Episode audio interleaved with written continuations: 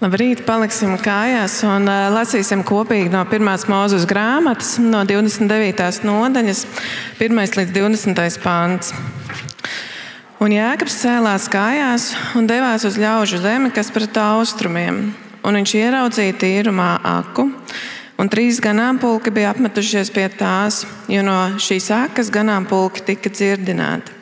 Bet liels akmens bija uzlikts uz akas cauruma Kad visi ganāmpulki tur bija sadzīti, tad novēla akmeni no akas cauruma un dzirdīja lopus. Un pēc tam atkal lika akmeni savā vietā uz akas cauruma. Jēkabs viņam sacīja: Brāļi, no kurienes jūs esat? Un tie sacīja: Mēs esam no Hārānas. Un Jēkabs tiem sacīja: Vai jūs pazīstat Nahora dēlu Lābanu? Un tie atbildēja: Pazīstam. Tad viņš sacīja, vai viņam klājas labi. Tie sacīja, labi, un redzi, tur nāk viņa meita Rāhēla ar lopiem. Un viņš sacīja, vēl taču ir liela diena, un vēl nav pienācis laiks sadzīt lopus. Dzirdiniet lopus un ejiet ganīt. Bet tie sacīja, mēs nevaram. Pirms nav sadzīti visi ganāmpulki. Tad akmens tiek novelts no avota cauruma, un mēs dzirdinām lopus. Kamēr viņš vēl ar tiem sarunājās, nāca Rahēla ar sava tēva sīklopiem, jo viņa bija gane. Un notika, kad Jēkabs ieraudzīja Rahēli, savas mātes brāļa Lābana meitu un savas mātes brāļa Lābana sīklopus. Tad Jēkabs piegāja un novēla akmeni no avota un padzirdīja savas mātes brāļa Lābana sīklopus. Un Jēkabs skūpstīja Rahēlu un savu balsi pacēlis raudāja. Un Jēkabs izstāstīja Rahēlai, ka viņš ir tās tēva radinieks un Rebekas dēls. Tad viņa tecēja un izstāstīja to tēvam.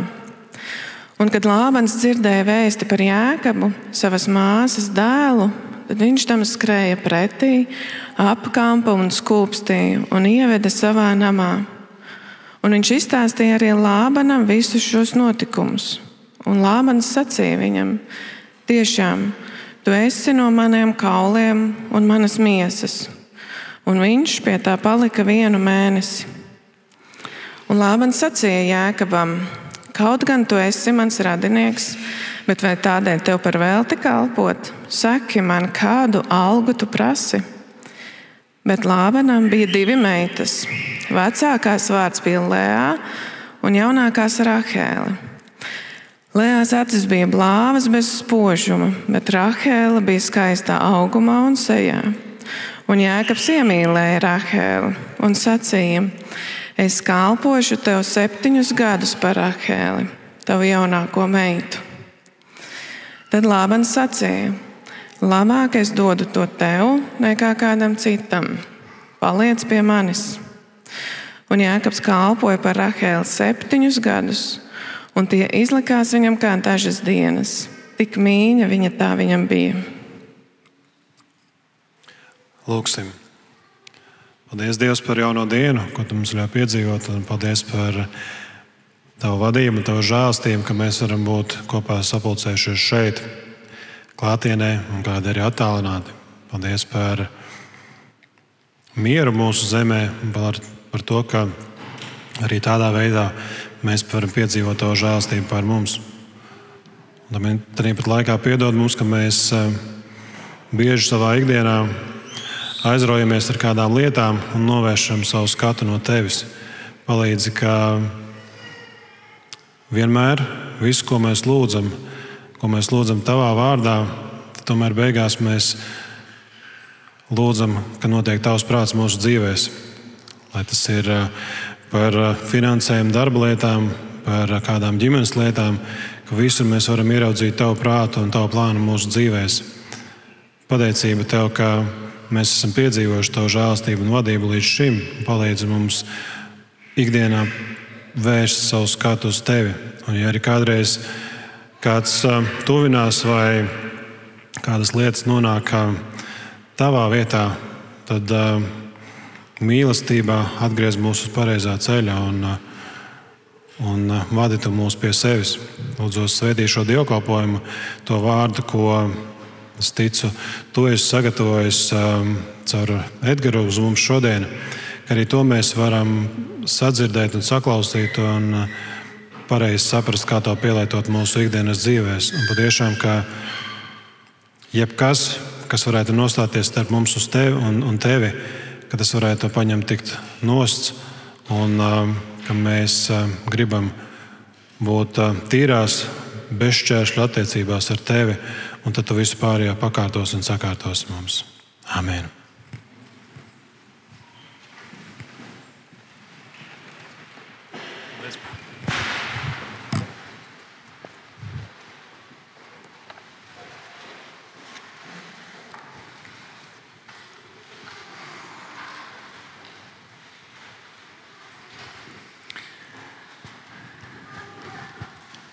Kas vieno 1422. gada Livonijā, 1833. gada Anglijā un 1888. gada Brazīlijā. Kāds būtu gatavs minēt? Tie ir gadu skaitļi, kad eh, dažādās pasaules valstīs oficiāli tika atcelta verdzība. Un, lai gan šie skaitļi ir tādi teikt, oficiālās vēstures notikuma apliecinātāji, tomēr cilvēki, kuri sastopas ar dzīves grūtībās nonākušiem, apliecinās, ka 21. gadsimtā verdzība joprojām pastāv. Dažāda veida tirzniecības, prostitūcija, pedofīlijas, darba un citos ietvaros turpinās ar to pašu nolūku, iedzīvoties uz cietušā rēķina, apspiest to fiziski vai morāli, lai gūtu sev finansiālu labumu. Šī ir liela problēma pasaulē. Arī nesen eh, viena filma, kas izpelnījās ļoti lielu ažiotāžu, brīvības skaņa, runā tieši par mazu bērnu seksuālu uh, tirzniecību. Bet, eh, ielūkojoties pasaules datos, tad no 2016. gada līdz 2021. gadam, šo piecu gadu laikā, tiek lēsts, ka pasaulē modernās verdzības ķīlā eh, ir sagūstīti par desmit miljoniem vairāku cilvēku. Indijā vien verdzībā dzīvo apmēram 11 miljoni. Bībele mums atklāja, ka bez šīs vēsturiskās verdzības un modernās verdzības pastāv arī garīgā verdzība. 1. korintiešiem 7. nodaļā, 22. pantā mēs lasām, jo kas ir aicināts par tā kunga mācekli, vergs būdams, tas ir tā kunga atbrīvots. Tāpat, ja kas aicināts brīvs būdams, tas ir Kristus vergs. Jānis um, savā evanģēlijā, 8. nodaļā, pieraksta kādus Jēzus vārdus, kur viņš saka, patiesi, patiesi es jums saku, ik viens, kas grēku dara, ir grēka vergs. Un tāpēc šodien, turpinot svētdienas sēriju, ko pirms brīža arī iepazīstināja vai atgādināja mācītājs Matīs, kur mēs apskatām teologu un mācītāju Timotiju Kellera ar tādu pašu eh, nosaukumu izdoto grāmatu Viltus dievi, mēs domāsim par mīlestību. Un tieši par to mīlestību, ka tā var mūs paverdzināt un mums novēršoties no patiesā un dzīvā dieva, viņi var kļūt par tādu kā viltus dievu. Un šo tēmu cilājot, mēs ņemsim eh, pamatā šos notikumus, kur aprakstīti 1. Eh, mūzes grāmatā, 29. nodaļā. Lai gan jāatzīst, ka šis stāsts ir plašāks. Un lasot un gatavojoties, tu saproti to, ka tur ir daudz nodaļas, eh, kuras ieskauj šo jēkaba dzīves realitāti. Un, un to nav iespējams vienā svētdienā, un kur nu vēl vienā dievkalpojumā izstāstīt. Bet 29. nodaļā mēs lasām par šo jēkabu, kurš dodas prom no savām mājām. Varbūt atcerieties, aizvadītajā svētdienā mācītājs Matīs runāja par Ābrahamu, par šo Izraēlu ciltstēvu, kuram ilgi nevarēja būt bērnu. Un tad lielā vecumā Dievs apsola, ka viņiem būs dēls un piedzimst īzāks. Un tad šis īzāks eh, pat vienā brīdī tiek Ābrahams gatavojās viņu upurēt, jeb nogalināt kalnā lai tādā ziņā apliecinātu, ka viņš ir gatavs uzticēties Dievam pilnībā, bez jebkādām robežām. Bet tad Dievs, pārbaudot viņu uzticību, ļauj Īzākam palikt dzīvam. Un tad Īzākam, kļūstot vecākam, viņš aprec Rebeku un viņiem piedzimst dviņi. Ēsavs, ja, nu, es no kurzemes, tāpēc Ēsavs un Jēkabs. Un Jēkabs kā jaunākais, bet jau Rebekai, kad viņai šie dviņi bija miesās, viņa dzirdēja tā kunga apgalvojumu, ka vecākais kalpos jaunākajam. Un tad ir dažādi šie notikumi tajā sadzīviskajā situācijā, kur um, īsākam ēsavas vienmēr ir tuvāks sirdī. Un Jēkabs, kā jaunākais, saprot, ka viņš ir tāds tā kā, nu, mazliet atstumts ģimenē. Un tad um, caur dažādiem notikumu pavērsienu viņš vienreiz piemuļķo savu tēvu un dabūna svētību no viņa. Kad viņa brālis Ēsavs to uzzina, viņš gatavojas viņu nogalināt. Un, un mēs Šis ir tas brīdis, kad mēs lasījām šo notikumu, kad Jēkabs mūk no mājām. Viņš dzirdēja no savas māmas, un tā, tā teikt, māmas skubināts devās uz austrumiem, uz Kanānas zemi. Viņa teica, tur tu atradīsi manu brāli. Un te viņš eh, satiek šos cilvēkus, pajautā, vai viņi viņu pazīst. Un, redziet, brīnums notiek, viņi viņu pazīst. Un vēl vairāk tur nāk arī Rahela, Lābana meita.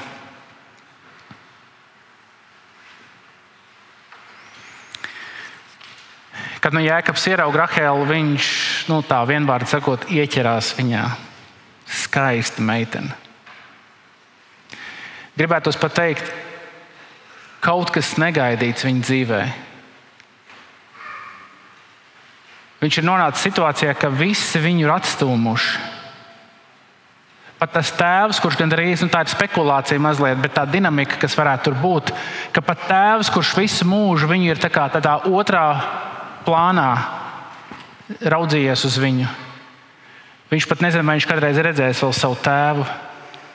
Māma, kas nu, mīlestības izpausme, kura pat tev palīdzēja izdomāt plānu, kā pielavīties pie tēva, lai dabūtu viņa svētību. Viņam nav ne mazākās nojausmas, vai viņš kādreiz vēl savu māmu satiks. Un brālis, Bračka. Ar Bračkām visu kaut ko dara. Kaujās, cīnās, pēc tam izlīgst mieru, dzīvo uz priekšu. Un vienā brīdī brālis grib tevi nogalināt. Tāpēc, ka tu esi pārkāpis kaut kādu robežu. Nu, nekas vairāk kā sagrauta dzīve, traģēdija. Un grūti iedomāties, mums Bībeles teksts nepalīdz iejusties jēkab lomā. Mēs nezinām, ko viņš domā, perina savā prātā vai sirdī, bet viņš nonāk šajā zemē un viņš sastopas šos cilvēkus, kas saka, jā, es pazīstu Lābanu, es pazīstu tavu radinieku. Un viņš ieraug šo meiteni. Oi. Tāda sajūta, ka nu, man dzīve ies uz augšu. Tāpēc arī mēs runāsim eh, par šo stāstu un lietosim šo stāstu tieši par aspektu, kā mīlestība var kļūt par verdzību. Un eh, apskatīsim to no tādiem trīs dažādiem skatu punktiem. Bet tad, kad viņš eh, sastopas ar Rahelu, viņš viņai atklāja, kas viņš ir. Viņa pēc tam dodas pie sava tēva Lābana, izstāst viņam par jēkabu. Lābans skrien viņam pretī, un viņš kādu mēnesi nodzīvo pie viņiem. Un šī mēneša laikā atklājās, ka Jēkabs ir diezgan labs darbinieks. Viņš ir labs, uzcītīgs, un, un pēc šī mēneša Lābans viņam saka, tu labi strādā, bet tev nebūs pavēlti strādāt. Pasaki, kāda ir tava cena? Un Jēkabs tā skatās, viņš saka, labi, es strādāšu, bet es strādāšu, ka mana alga būs tava meita, Rahela par sievu. Un tāpēc tas pirmais punkts par mīlestības verdzību do, domājot, mēs domāsim mīlestības verdzība, tuvība. Es nolasīšu vairākus pantus, jau sākot ar 11. pantu. Un Jēkabs skūpstīja Rahēlu un savu balsi pacēlis raudāja.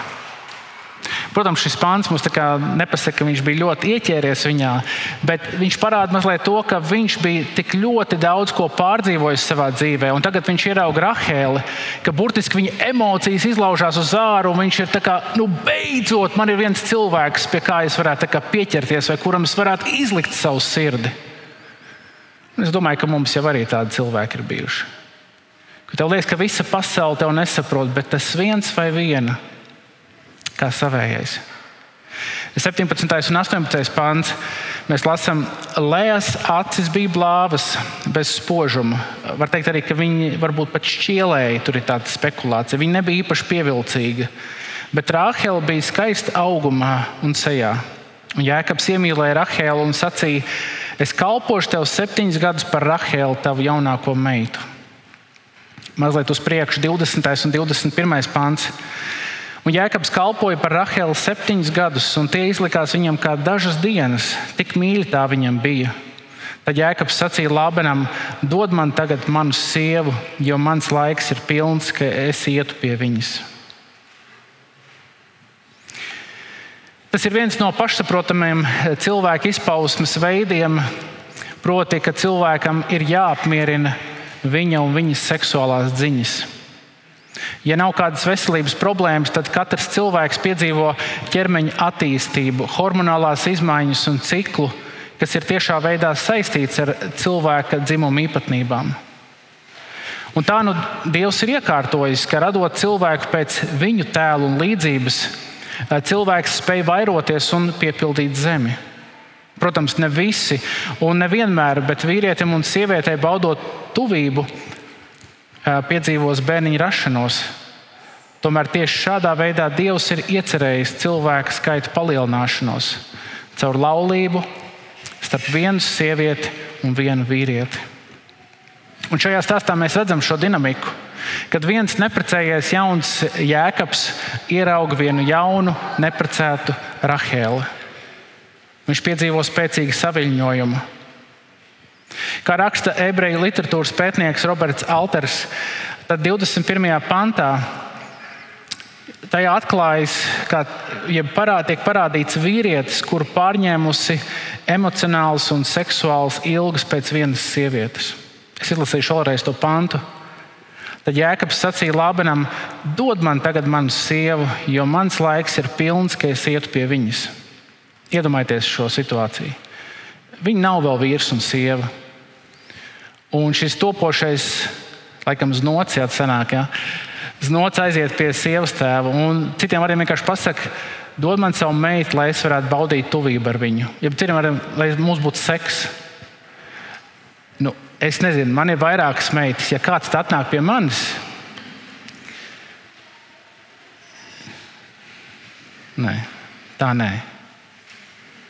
Vulgārs pārņemts, emocionāli nestabils.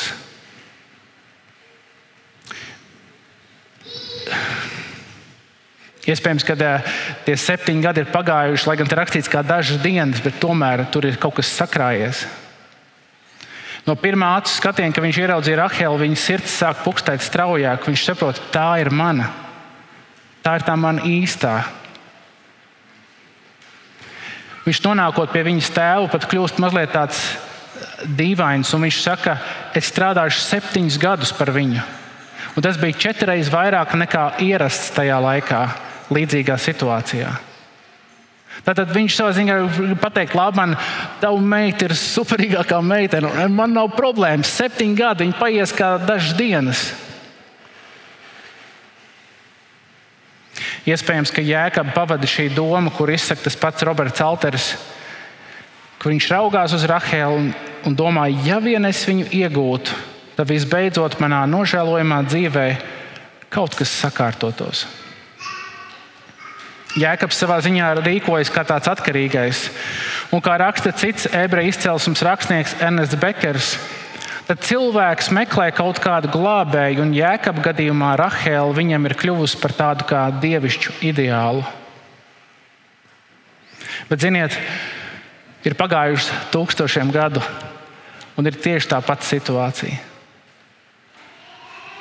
Mēs esam dažādās dzīves sezonās, un eh, kādiem, mēs tā teikt, hormoni staigā ļoti bieži, katru dienu pa vairākām reizēm. Eh, ir kādi, kas ir daudz nosvērtāki, un viņi jau ir pāri tam vecumam, un kādi vēl tikai skatās uz to vecumu. Un, un mēs esam tik dažādi, bet mēs esam vīrieši un sievietes. Un arī šajā laikā kāds vīrietis raugās apkārt un viņš saka, to meiteni es gribu, un tā meitene, ja es viņu dabūšu, tad viņa piepildīs manas dziļākās sirds ilgas. Un varbūt otrādi kāda meitene, kurš saka, es esmu skaista, es izmantošu savu skaistumu, lai dabūtu to, to un to džeku. Nu, labi, varbūt vismaz vienu džeku. Un tad manipulē ar savu skaistumu. Mēs pazīstam tādus cilvēkus. Iespējams, ka mēs paši esam bijuši tādi cilvēki. Varbūt, kad es teikšu vēl vairāk, mēs paši šobrīd dzīvojam tādā perspektīvā, ka ja vien es dabūtu to cilvēku, ja vien mēs baudītu to tuvību, tad manai dzīvei beidzot būtu jēga. Šis stāsts mums atklāja to klātesošo realitāti par cilvēku meklējumiem pēc īstas pieņemšanas un mierinājuma cenšoties to atrast seksuālā tuvībā. Un tad jau tā skarbā realitāte, ka citi izmanto seksu, lai iegūtu mīlestību, bet citi izmanto mīlestību, lai iegūtu seksu. Jēkabas situācija mums liek uzdot šo jautājumu, vai mēs paši neatrodamies līdzīgā situācijā. Iespējams, ka arī mums kaut kas neiet kā plānots, Varbūt ir kāda dziļa sāpe vai vilšanās, kaut kur kādas bailes vai mīlestības trūkums. Un šodien tik daudz laulības ir, ir uz izjukšanas robežas tieši šī iemesla dēļ, ka mēs sākam domāt, ka ja vien es varēšu emocionāli vai fiziski būt kopībā ar to sievieti vai to vīrieti, tad es saņemšu to piepildījumu un mierinājumu, ko manā ģimenē neviens nespēja man dot un tie ir maldi. Es teikšu, vairāk tie ir meli. Un šo melu realitāti piedzīvo pats Jēkabs. Un to melu realitāti piedzīvo tik daudzi no mums, kurus gribētu teikt, kur pats Dievs atklāja vai grib atklāt šo perspektīvu, ka vienīgi es, vienīgi es tev do, spēju dot tādu mierinājumu tavā bezcerībā vai sāpēs. Un es atceros kādus gadus, 15 atpakaļ, kad mūžībā aizgāja mans tēvs. Man radās tāda doma, man bija 22 gadi. Man liekas, es dzīvoju tā kā dievam pagodinošu dzīvi, bet man radās doma, kā būtu, ja es varētu izdarīt kaut ko, lai kā, nodarītu pāri dievam. Protams, viss šī doma pat par sevi ir ļoti utopiska. Ne? Kā cilvēks var nodarīt pāri dievam? Bet man bija tāda doma, Man liekas, es esmu dzīvojis diezgan labu dzīvi, vai pēdiņās pareizu dzīvi. Un tad es sāku savā galvā domāt, kā būtu, ja es ar kādu, nu, tur, kādu meiteni padraudzētos. Nu, tā, neko nopietnu, bet tā pātrumu. Un tad kaut kā Dievs man tā sastopas tajā visā situācijā un saka, klausies, ja tu caur šo gribi mani sadusmot, tu kaut ko īsti neesi sapratis par dzīvi un par sevi un par mani. Un tie vārdi bija apmēram tādi, ko es dzirdēju. Es saprotu, ka tev sāp, ka tavs tēvs ir aizgājis mūžībā. Bet tev nav jādara nekas, lai censtos it kā mani sadusmot. Un es domāju, cik daudz no mums esam bijuši līdzīgā situācijā kā es uh, savos 22 ka liekas, es pelnīju, ja man, man būtu būt jābūt tieši tā, un es savādāk, un es varbūt cenšos kaut kā sadusmot Dievu. Un viņš skatās, un viņam ir žēl. Viņam ir žēl par mani, viņam ir žēl par mums. Bet vai varētu būt tā, ka kādam tieši šobrīd ir šī realitāte, ka mēģinājums atrast um, savu veidu dziedināšanu savām sāpēm caur tuvību? Un tad jau rodas tāda zāļu blakus parādības, vai arī ar laiku rezistence, ja piedzīvojam, ka tuvība sniedz tikai īsu risinājumu, bet nedziedē kaiti ilgtermiņā. Un visa šī pasaule mums jau tā kā reklamē un saka, meklē ātru risinājumu savai miesai, kāru formā. Bet dvēseli taču sauc pēc kaut kā lielāka. Dvēseli sauc pēc glābēja. Un tāpēc, ja tu šodien esi tajā dzīves situācijā, varbūt ļoti klasiski līdzīgs kā jēkabs, varbūt mazliet citādāk. Bet, kad tu domā, ka kāds cilvēks tavā dzīvē spēs piepildīt to tavu tukšumu vai tās tavas sāpes, remdēt un vērst par labu, tad es tev gribu pateikt, ir tāds cilvēks. Cilvēks un Dievs vienā personā, Jēzus Kristus. Bet redzi, viņš negrib ar tevi baudīt tā teikt, seksuālu tuvību. Viņš vēlas, lai tu savā dzīvē atzīsti viņu par savu kungu un glābēju. Viņš parāda, ka savā ziņā tas mūsu lielais jautājums jau ir, vai mums ir miers ar Dievu. Viņš vēlas, lai mēs piedzīvojam to, ko Viņš ir devis caur savu dēlu Jēzu Kristu.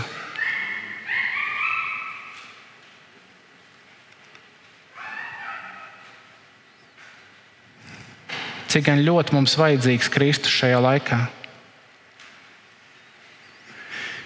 Bet šajā stāstā Jēkabs nav vienīgais. Un mēs ieraugām to otru pavērsienu, proti, mīlestības verdzība, pieķeršanās.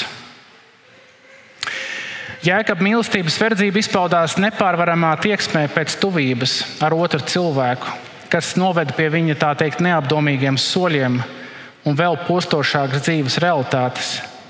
Kad Bībelē, Bībelē minētie 12 dēli un viena meita tiek doti nevis no vienas, bet gan no četrām sievām. Tu esi bijis tādā purvā, tu esi bijis tādā izaicinājumā, tu esi bijis tādā satricinājumā, un tagad tu ieraugi to vienu sievieti, un tu domā, šī ir tā mana īstā, un es ar viņu veidošu ilgu un laimīgu mūžu, un tā būs superīgākā laulība. Un paiet brīdis, un tev ir četras sievas. Un pirmā mūzes grāmata mums neparāda, ka tas ir standarts. Pirmā mūzes grāmata mums parāda, cik bieži cilvēks noklīst no dieva un pieļauj dažādas kļūdas. Bet tas nav standarts, ka tev ir četras sievas. Dievs joprojām saka, vienam vīrietim, viena sieviete. Viena no viņas sievām, tā pirmā vārdā Lea, viņa ir Rāheles vecākā māsa.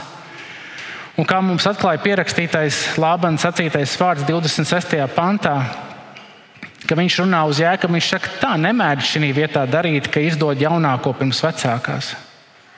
Un kas bija noticis? Jēkabs, kā labs strādnieks, bija pastrādājis septiņus gadus. Viņš aiziet pie tēva, Lābana, nu, šajā vulgārajā tonī prasa, lai beidzot notiek šīs kāzas. Labans tikko, lai notiek, notiek kāzas. Um, mums daudz kas nav saprotams par tā laika kultūru, bet gadās tā, ka Jēkabs dodas teltī ar savu sievu, domādams, ka tā ir Rahēla. Bet tā nav Rahēla. Viņa bauda tuvību, un nākamā rītā viņa pieceļās, un Jēkabs ir šokā. Tā ir Lēja.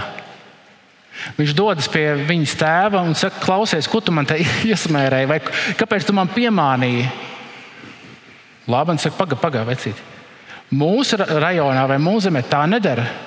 Mēs sākumā izpracinām vecāko un pēc tam jaunāko. Jēkabs jutās ļoti pievilcis, viņš jutās uzmests. Bet cik saudabīgi, ka pirms brīža, ja jums tas interesē, palasiet pāris nodaļas iepriekš, Jēkabs ar viltu gāja pie sava tēva. Viņš pārģērbās par savu brāli Ēsavu, pielīd klāt savam tēvam, kurš īsti neredzēja, lai saņemtu no viņas svētību. Un tagad pats Jēkabs tiek šādā veidā piemānīts. Mēs varētu teikt, pļaujas svētku kontekstā, ko sēž to pļausi. Viņš jūtās tik vienkārši pievilcis.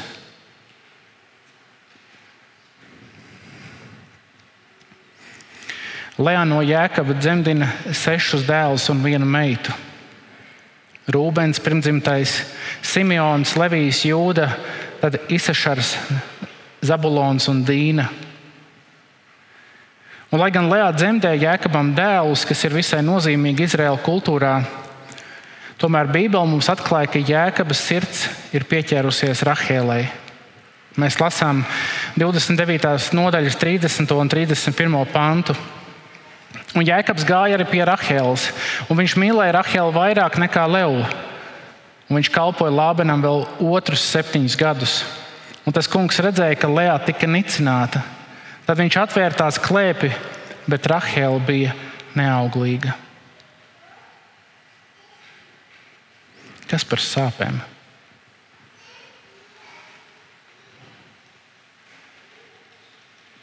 Tu esi ar savu vīru, kurš vispār tevi negrib.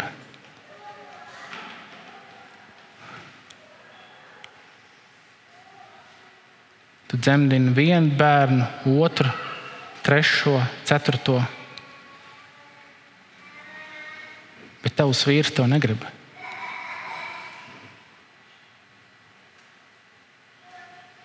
Lejā dzemdējot jēkabam šos dēlus, viņa piedzīvo šo atstumtību no sava vīra. Un viņas šos pārdzīvojumus ietērp tajos izsacītajos vārdos. Kad piedzimst rūbens, tad viņi saka, ka tas kungs ir uzlūkojis manas bēdas, un tagad noteikti mans vīrs man mīlēs. Un tā doma bija apmēram tāda, ka nu, tagad man būs bērns, un tad es būšu tuvāks savam vīram, lai gan viņam tuvāk ir Rahēla. Tas neko nelīdz. Tad, kad piedzimst Simons, tad Lajā saka, tas kungs ir dzirdējis, ka es esmu nicināta, un viņš man arī šo ir devis. Tad, kad piedzimst Levijs, tad Lajā saka, tagad taču mans vīrs pieķersies man, jo es viņam esmu dzemdējusi trīs dēlus. Bet vīrs sirds nepieķērās. Un kā redzams, tad Lejā ilgas ir ne tikai pēc savu vīru jēkabu uzmanības caur pieķeršanos, bet viņa ilgojās arī pēc vienkāršas, bet patiesas cieņas no jēkaba. Un mēs šeit cilvēciski jau runājam, ka it kā vīriešiem ir vieglāk cienīt un sievietēm ir vieglāk mīlēt. Bet laikam izskatās, ka šajās attiecībās par to vienkāršo cieņu, ko ir pelnījis jebkurš cilvēks, atrodamies blakus vīrietim, Lēā to nesaņēma. 30. nodaļā, 19. un 20. pantā mēs lasām, pēc kāda laika Lēā atkal tapa grūta un dzemdēja Jēkabam sesto dēlu. Un Lēā sacīja, Dievs mani pieminējis ar labu piemiņu, dodams dāvanu. Nu reiz mans vīrs cienīs mani, jo es tam esmu dzemdējusi sešus dēlus, un viņa nosauca tā vārdu Zebulons. Bet nekā Arī šoreiz vīrs viņu neciena. Es domāju, kas tā ir par nožēlojumu dzīvi, ka tev ir jājūtas, ka tu nekad nebūsi pietiekami laba, lai saņemtu savu mīļotā pieķeršanos un cieņu. Nemaz nerunājot par to savstarpējo spriedzi un, un cīņas, kas notiek māsu starpā. Un tad es tā aizdomājos, vai nav tā, ka mums varbūt kādam šodien ir ļoti līdzīgi. Ka es gribu, lai tas otrs pieķerās man. Un es meklēšu veidus, kā, kā nopirkt vai sadabūt tā otra pieķeršanos sev. Varbūt kāda gadījumā ir līdzīga kā Lējā. Nu, man piedzims kāds bērns, un noteikti šis vīrietis izrādīs man lielāku pieķeršanos. Un varbūt tev ir kāds cits svarīgs cilvēks, kur tu kaut kā augsti piesaistīji to uzmanību, augsti saņem to cieņu no viņa vai viņas. Un tā nav. Redziet, un tā ir tā otra tā mīlestības verdzības realitāte, ka mēs dažkārt mīlam vai mēs gribam, lai, mūs, lai kāds pieķerās mums, lai kāds izrāda to cieņu, un, un tas būs tas mūsu mīlestības avots. Un Dievs saka, neviens tev nepieķersies ciešāk par mani. Neviens tev neizrādīs šo lielo dievišķo cieņu un mīlestību kā es.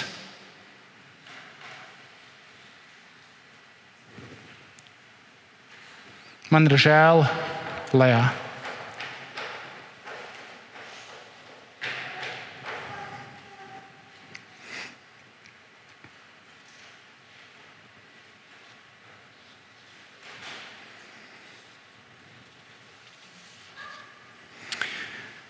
Skaidrs, ka šāda mīlestība ir diezgan rūkta un to nevarētu dēvēt par labu piemēru.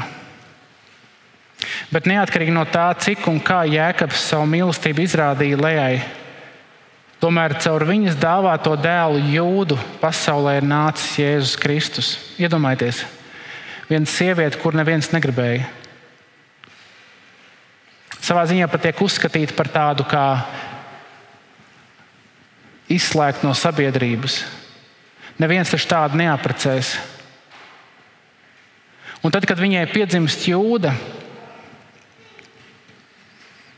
tad viņa izsaka kaut kādus zīmīgus vārdus, kur viņa pati par sevi īsti nevarēja zināt. Uh, ir viena spekulācija par to, ka Jēkabs viņai pašai ir stāstījis par savu dievu. Un tāpēc 35. pantā, 29. nodaļā mēs lasām, un kad Lēja tapa atkal grūta un dzemdēja dēlu un sacīja, tagad es slavēšu to kungu. Un viņi nosauca tā vārdu jūda, un viņi mitējās dzemdēt. Tas bija tajā pirmo četru bērnu kontekstā. Kad mēs paskatītos eh, Bībeli, mēs redzētu, ka jūdas dzīve jau arī nebija ļoti skaista un viegla.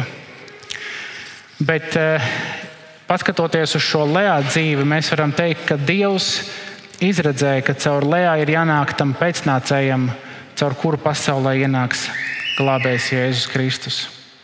Un tad tā trešā lieta, jeb trešā persona, kuru es gribu izcelt, īpaši domājot par mīlestības verdzību un domājot par kaunu. Vai jums ir kādreiz bijis kauns? Man liekas, ka tie kauni mainās. Kad bijām bērni, tad kaunējāmies kā bērni. Kad esam kļuvuši pieauguši, tad kaunamies kā pieaugušie.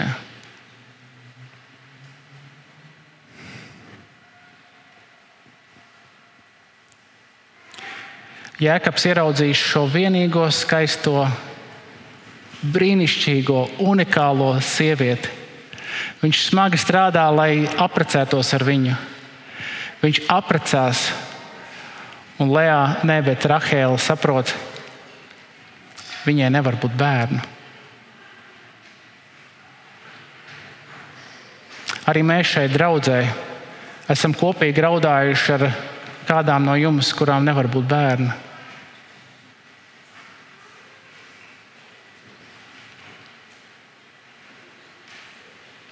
30. nodaļā, 1. pantā mēs lasām,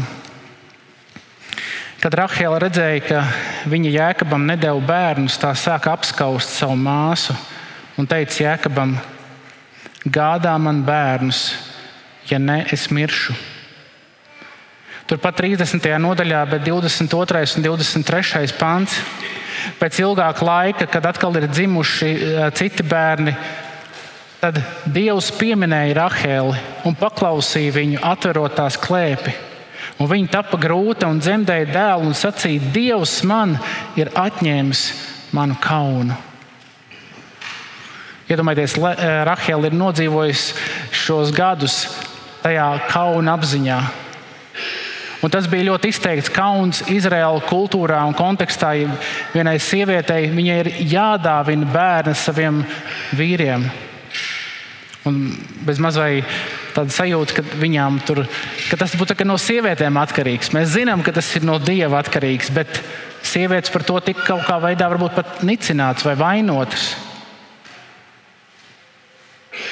Un kamēr māsai dzimst, tur pa vidu vēl ir divas kalpones, kas dod bērnus Jēkabam. Un tur reāli saprot, ir desmit bērni jau piedzimuši. Un tajā brīdī Dievs atver Rahēlas klēpi. Un piedzimst Jāzeps un pēc tam Benjamins. Kāds kauns! Es visu mūžu esmu šeit blakus, līdzās, paklausīgs, bet Dievs man nav devis bērnu. Kāds kauns!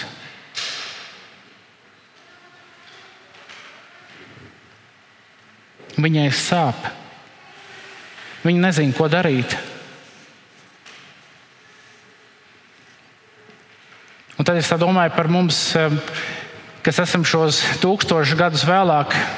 Iespējams, jau ir līdzīgā situācijā kāda no jums, kas ļoti gribētu bērnu, bet jums nevar būt bērns. Un kaut kur varbūt ir tā mīlestības, verdzības pozīcija, kad eh, jūs dzīvojat tajā apziņā, kāds kauns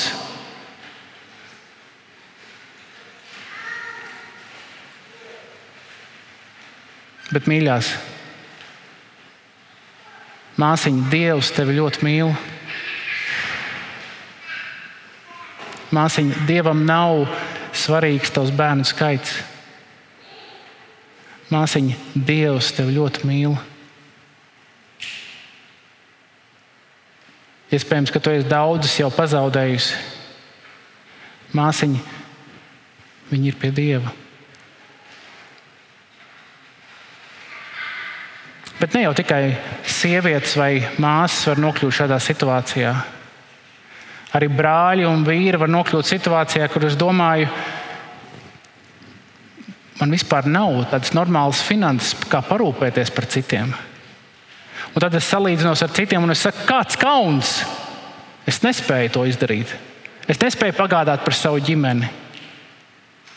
Un kāds varbūt tā kā saka, tas ir mans darbs. Es labāk nestāstīšu nevienam, kurš strādāju. Kāds kauns? Vai tad Dieva bērnam tāds pieklājas? Un brālīt, Dievs tev šodien saka, nekaunies par to.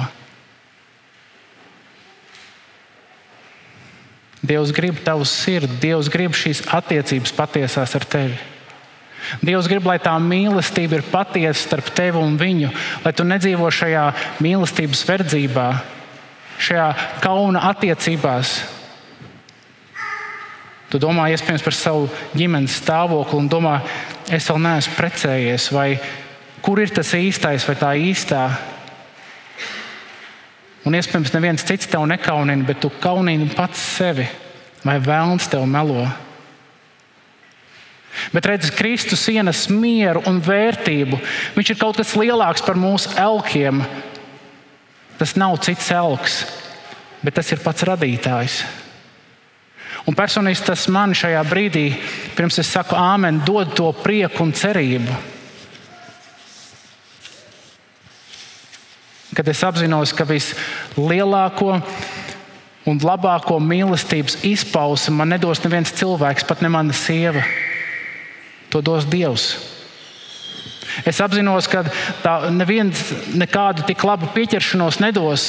Pat ne mans vistuvākais cilvēks, kā Dievs, pie kuras varēšu griezties, vai esot automašīnā, vai citā valstī, vai lūkšanā, vai esot kopā ar savu ģimeni.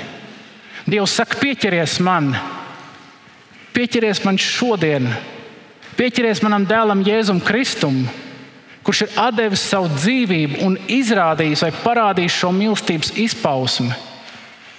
Tev nav jāmeklē tā mīlestība citur, meklē to manī.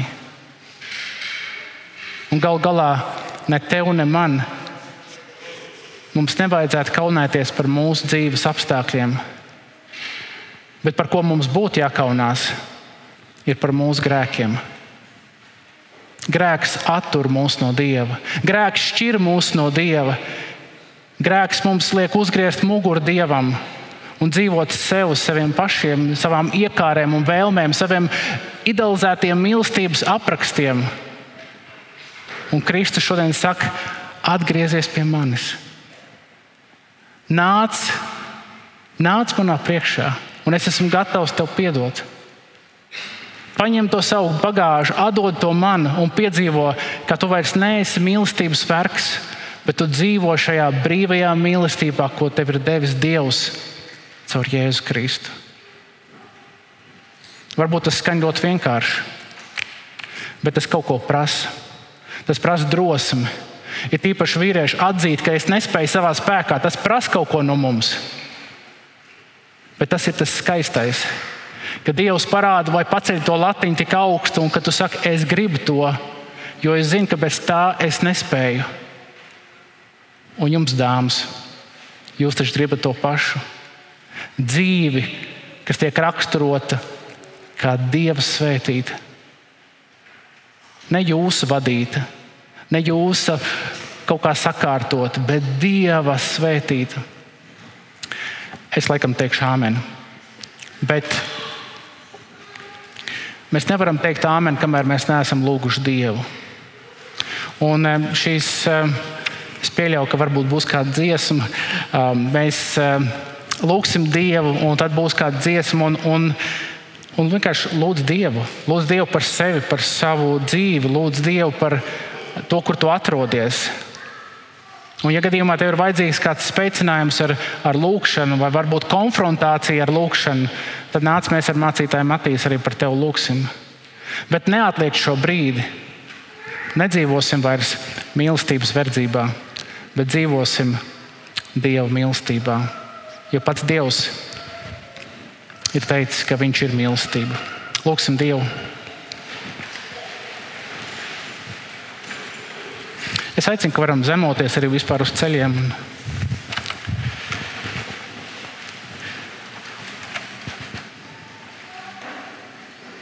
Debes Tēvs, mēs nākam Tavā priekšā kā draugs, apzinoties, ka mēs neesam perfekti. Un Tu neesi arī prasījis mums būt perfektiem. Debes Tēvs, mēs nākam Tavā priekšā ar apziņu, ka mūsu dzīvē ir tik daudz, kas ir kļuvusi tāds, varbūt par tādu savu veidu dievu, kas pieprasa mūsu uzmanību, kas pieprasa mūsu sirds stāvokli, vērst uz to. Debes Tēvs, bet mēs ticam tai patiesībai, ka Tu esi sūtījis savu dēlu Jēzu Kristu, tāpēc, ka tu mīli to, ko tu esi radījis. Tu esi mīlējis un joprojām mīli visu radību, tā skaitā mūsu. Un tad mēs dzīvojam šajā konfrontācijā, zinot to, cik tu esi labs, pilnīgs, svēts, šķīsts, taisnīgs. Un tad esam mēs ar saviem kritumiem, vājumiem, problēmām, kaitēm, iekārēm. Debes Tēvs, šajā brīdī mēs saucam uz Tevi piedod mums. Kungs, piedod.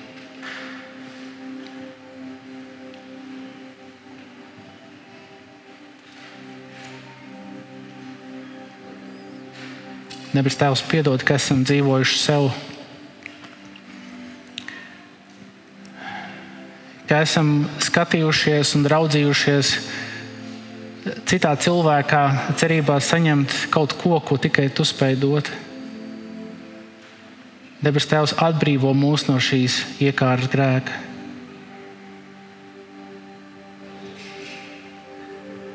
Debes Tēvs, mēs lūdzam, atbrīvo mūs no šīs pieķeršanās grēka. Debes Tēvs, mēs lūdzam, atbrīvo mūs no šī kauna grēka.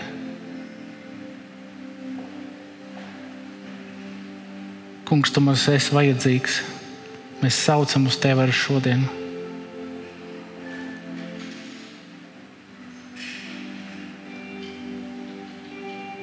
Kungs, piedod mums, piedod man.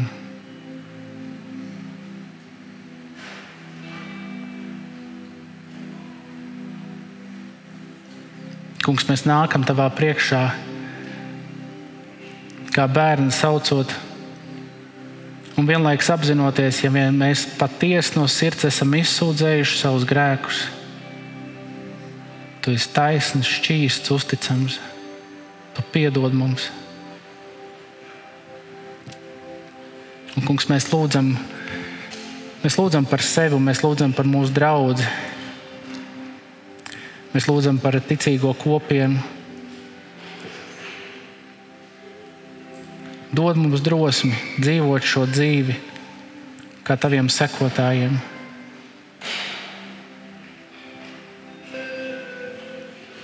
Debes Tēvs, vada mūs un sargā. Un pār visam, ka katrs mēs varam teikt, esi kungs, man grēciniekam žēlīgs.